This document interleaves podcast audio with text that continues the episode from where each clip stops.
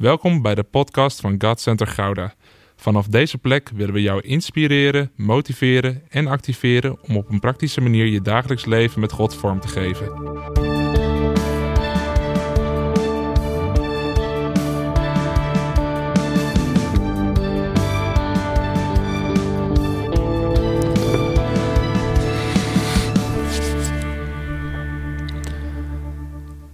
Hey, wat mooi dat je weer verbonden bent. Welkom terug of welkom voor het eerst bij de podcast van God Center Gouda. En dit is een plek waar we je willen toerusten vanuit het woord en vanuit de praktijk van het leven. En dat doen we omdat we jou belangrijk vinden en daarom willen we investeren in jou. We zijn bezig met een mooie serie over de Heilige Geest. We hebben gekeken naar wie de Heilige Geest is, hoe we met hem kunnen leven en nu willen we kijken naar de vrucht van de Geest. Een interessant onderwerp en tegelijkertijd ook een heel praktisch onderwerp. En dat is iets waar we elke dag mee te maken hebben. En waarom is dit zo belangrijk? Omdat we zo vaak verlangen naar de kracht of naar de gaven van de geest. Maar dat stukje karaktervorming, dat zetten we dan vaak op een wat lager pitje. Terwijl de vrucht van de geest karaktervorming is. En dat is de basis, het fundament waarop de kracht en de gaven van de geest werkzaam zijn. Waarop de rest gebouwd wordt. Eerst wil ik even met je kijken naar het thema waarde. Want ieder mens verlangt ernaar om van waarde te zijn. En dat is een heel gezond verlangen. En het zorgt er ook voor dat we actief blijven en blijven verlangen om het koninkrijk van God te bouwen met elkaar. En een mens is gemaakt met een doel. Gods plan voor jouw leven stond al vast toen je in de moederschoot geweven werd. En dat betekent dat je al een roeping had, een bestemming op je leven had liggen voordat je geboren werd. En dat betekent dus ook dat je bent gemaakt met een bepaald doel in je leven om dat te volbrengen. En dat is wat je gelukkig maakt. Dat maakt dat je leeft waarvoor je gemaakt bent. En als kerk is het dan ook een van onze doelen om mensen te helpen om vrucht te dragen in hun leven. Dit doen we niet om taken vervuld te zien worden, maar vanuit de overtuiging dat God iedereen uniek heeft geschapen. Als God's original design heb je een unieke vrucht te brengen die niemand anders kan geven. God heeft iedereen zo uniek gemaakt dat we samen een veelkleurigheid brengen die als een prachtig mozaïek raam samenkomt. En dat is prachtig, veelkleurigheid. En met elkaar straalt dat de schoonheid uit. En zoals je ziet in een mozaïek raam van een prachtige oude kerk, wanneer het licht erop schijnt, dan komt de schoonheid en de helderheid nog meer naar voren. Zo is het precies met ons. Wanneer het licht van de wereld, de Heer Jezus zelf, over ons schijnt, komt de schoonheid van onze vrucht nog meer naar voren en naar buiten. En om vrucht voor te kunnen brengen, is het dan belangrijk om de principes van zaaien, onderhouden, oogsten en vruchten te begrijpen. En hoewel we dit in de landbouw vaak begrijpen, kunnen we de volgorde daarvan en de principes in onze wandel met God behoorlijk door de war halen. En daarom starten we nu met de vrucht van de geest. Het is de basis van waar alle andere dingen ook weer uit voort gaan komen. het is belangrijk om de verschillende vruchten te onderscheiden in ons leven. En dit keer willen we kijken naar vooral die algemene vrucht. Er zijn even heel snel opgesplitst twee delen. En de eerste is de algemene vrucht. Iedere discipel van Jezus is geroepen om deze vrucht voor te brengen. Het is een gevolg van de aanwezigheid van de Heilige Geest in jou en mijn leven. En daarnaast hebben we dan de tweede, dat is de persoonlijke vrucht. Iedereen is uniek geschapen. Ieder mens heeft andere gaven en talenten gekregen. Jij bent speciaal en hebt een specifieke vrucht voor te brengen in deze wereld. Iets wat niemand anders heeft. En nu dus vooral even de focus op die algemene vrucht.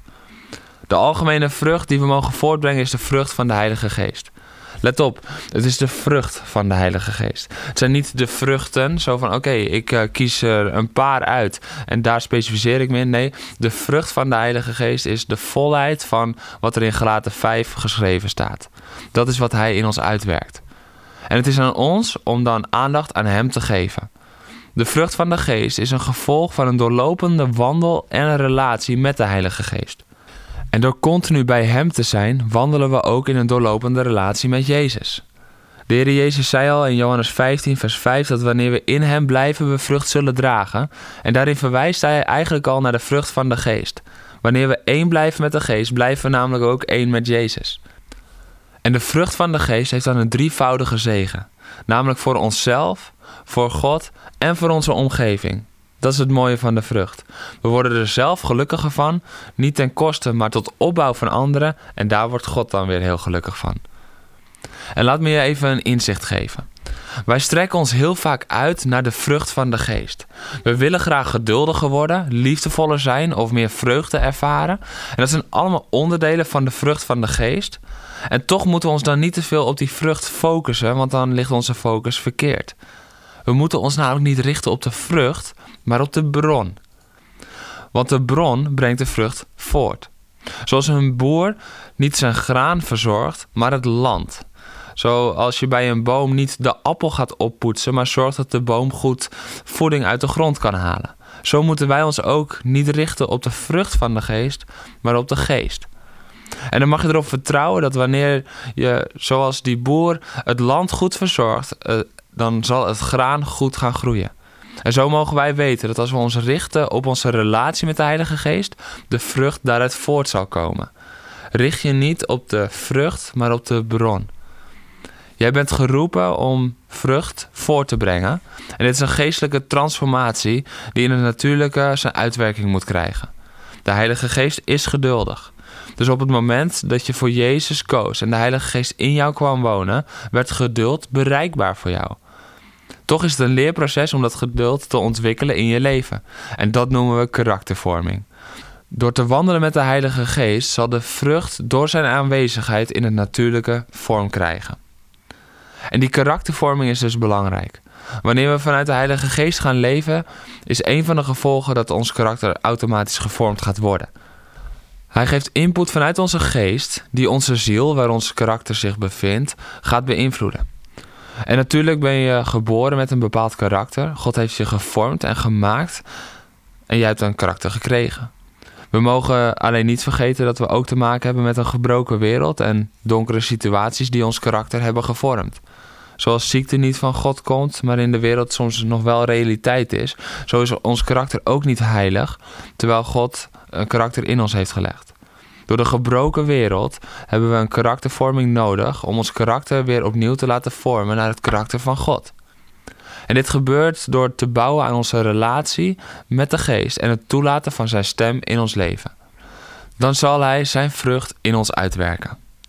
Kijk, de Vader heeft de Zoon gestuurd, de Heer Jezus naar de wereld gestuurd. En de Heer Jezus heeft de Heilige Geest gezonden als zijn plaatsvervanger, zegt Johannes 16, vers 7. De vrucht van de Geest openbaart het karakter van Jezus. En die vrucht die wordt beschreven in Galaten 5, vers 22 tot en met 25. En dat is een vrij bekend gedeelte. Daar staat: Maar de vrucht van de geest is liefde, vreugde en vrede, geduld, vriendelijkheid en goedheid, geloof, zachtmoedigheid en zelfbeheersing. En er is geen wet die daar iets tegen heeft.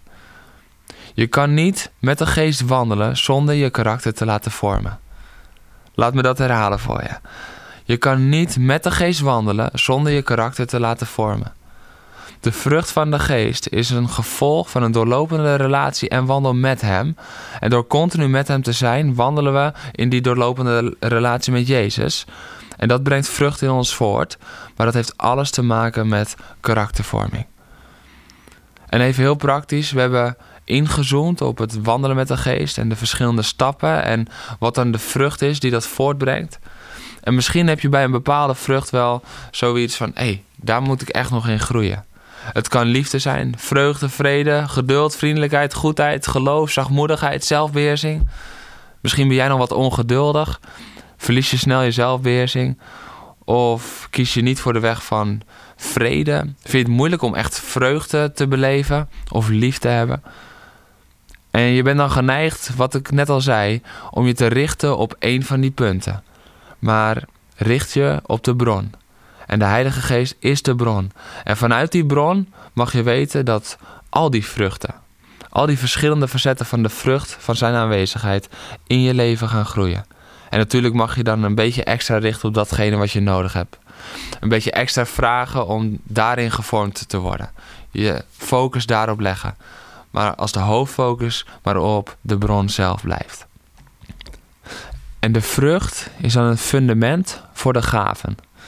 Volgende keer gaan we kijken naar de gaven van de geest. En dat zullen misschien wat verschillende afleveringen worden, omdat het best wel uitgebreid is. Maar de vrucht is het fundament daarvan. En daar zal ik komende weken regelmatig op terugvallen. Want de gaven brengen misschien zegen voort. Maar de vrucht zorgt ervoor dat de zegen blijvend is. Kijk, het is niet zo dat we pas gaven van de geest ontvangen wanneer we voldoen aan een bepaalde vrucht en maatstaaf. Wel mogen we in ons eigen leven zorgen dat we de vrucht, ons karakter, het gelijkvormig worden aan God belangrijker vinden dan de gaven. Dat is overigens niet omdat de vrucht belangrijker is dan de gaven. En dat lijkt misschien een tegenstelling, maar laat me dat uitleggen. Wanneer de vrucht van de geest het fundament is waarop de gaven gebruikt worden, zijn onze motieven altijd zuiver. Als we uit eigen motieven of andere ideeën de gaven ja, als het ware gaan gebruiken en met ze aan de haal gaan, dan kan dit het doel dat God ermee heeft missen. En dat zorgt voor schade aan mensen, aan de kerk en aan het koninkrijk. Dus het is niet belangrijker dan, maar het is onmisbaar met. Het is ook niet voor niets dat Paulus stelt dat de vrucht van de geest tegenover het vlees staat. Dat lezen we ook in Galaten 5 vanaf vers 19 tot en met 22, net voordat die vrucht eigenlijk beschreven wordt. En dat we onszelf mogen richten op de vrucht is dus niet wettisch bedoeld, het is als bescherming voor onszelf. De gaven van de geest zijn namelijk gegeven en die zullen niet stoppen met vloeien. En daarom is het extra belangrijk om scherp te blijven op ons hart. Omdat de gaven van de geest zijn niet de maatstaaf. De gaven zullen niet afnemen in kracht. Maar het vlees is nooit gericht op geven, maar op zichzelf. Dus wanneer we andere motieven krijgen, dan zal dat van binnen vooral veel met ons doen, terwijl dat van buiten niet direct zichtbaar hoeft te zijn. Wanneer we uitstappen in de gave van de gever, zonder dit te doen vanuit het hart van de gever, missen we de essentie van wat de geest wil doen in ons leven en door ons leven voor anderen. Want zelf zijn we vaak niet zo gericht op anderen, terwijl de geest is een gever. Jezus is een gever, God is een gever. Het karakter en het wezen van God is geven.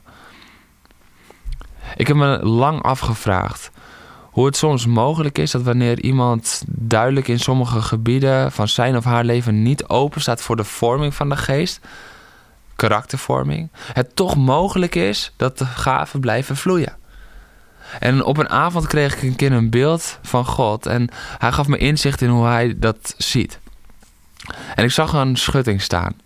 En deze stond voor de gaven van de geest. En op het gegeven moment werd de schutting langzaam bedekt met mos en planten. Het werd niet bijgehouden en begon steeds meer over de schutting heen te groeien. En naarmate de tijd vorderde, werd er minder van de schutting zichtbaar.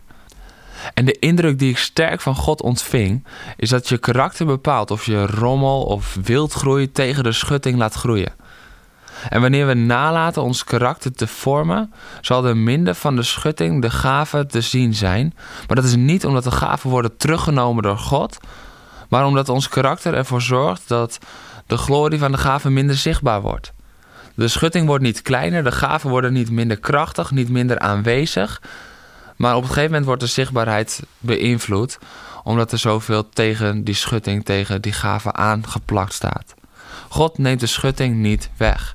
Hij is trouw en de gave die hij heeft gegeven neemt hij niet af. Dit zien we in het Oude Testament ook bij het verhaal van de oude profeet.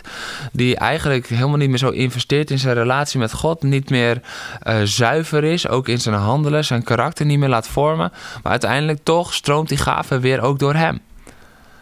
En ik vond het mooi om te zien hoe trouw God is en hoe dat werkt. Dat de gaven niet in één keer weg zijn, maar dat het soms is dat er wat tegenaan is gegroeid.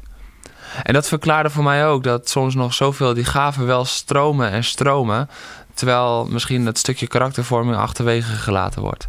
Dat is genade. En laten we elkaar daar dus niet op veroordelen, maar laten we elkaar juist helpen om die schutting dan weer schoon te krijgen. Want we kunnen op zo'n moment kunnen we verschillende dingen doen. We kunnen komen met ons vingertje. Hey, jij wandelt wel in de gaven, maar hoe is het met je karakter? Of we kunnen komen met die uitgestrekte hand, die arm die we om de ander heen slaan. Hé, hey, ik zie dat je zo krachtig bent in je gaven. En ik wil dat dat blijft. We samen ook dat stukje mos, dat stukje wildgroei, dat stukje rommel tegen je schutting, zullen we dat ook aanpakken? En laat me je dan helpen. Laat me je helpen wat je zelf niet altijd ziet of wat je zelf niet altijd lukt. Want ik ben er voor jou. En laten we samen voor karaktervorming gaan. Dat is de hartshouding van waaruit Jezus handelt. Niet met dat vingertje, maar die uitgestoken hand, die uitgestrekte arm. En ik wil je uitdagen aan het einde van deze podcast om eigenlijk een moment te nemen om eigenlijk gewoon je hart te onderzoeken. Ben je nog open voor karaktervorming? Ben je hongerig naar karaktervorming? Verlang je ernaar dat, dat je steeds meer gaat lijken op God, ook als het je wat kost, ook als het af en toe even schuurt en pijn doet? En welke vrucht, welk deel van de vrucht van de geest mag er nog in jou groeien?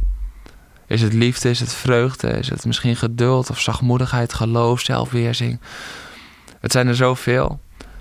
En dan wil ik je uitdagen om je niet te richten, oké, ik moet geduldiger worden, ik moet geduldiger worden, ik moet geduldiger worden.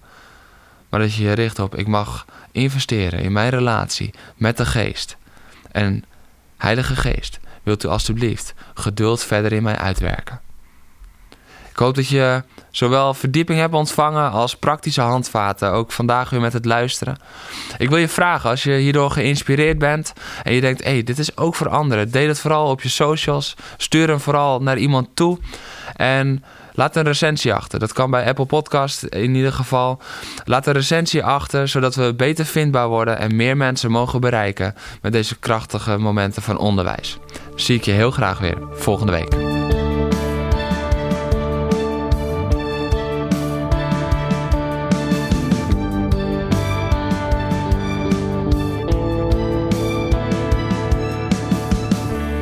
Bedankt voor het luisteren naar deze podcast.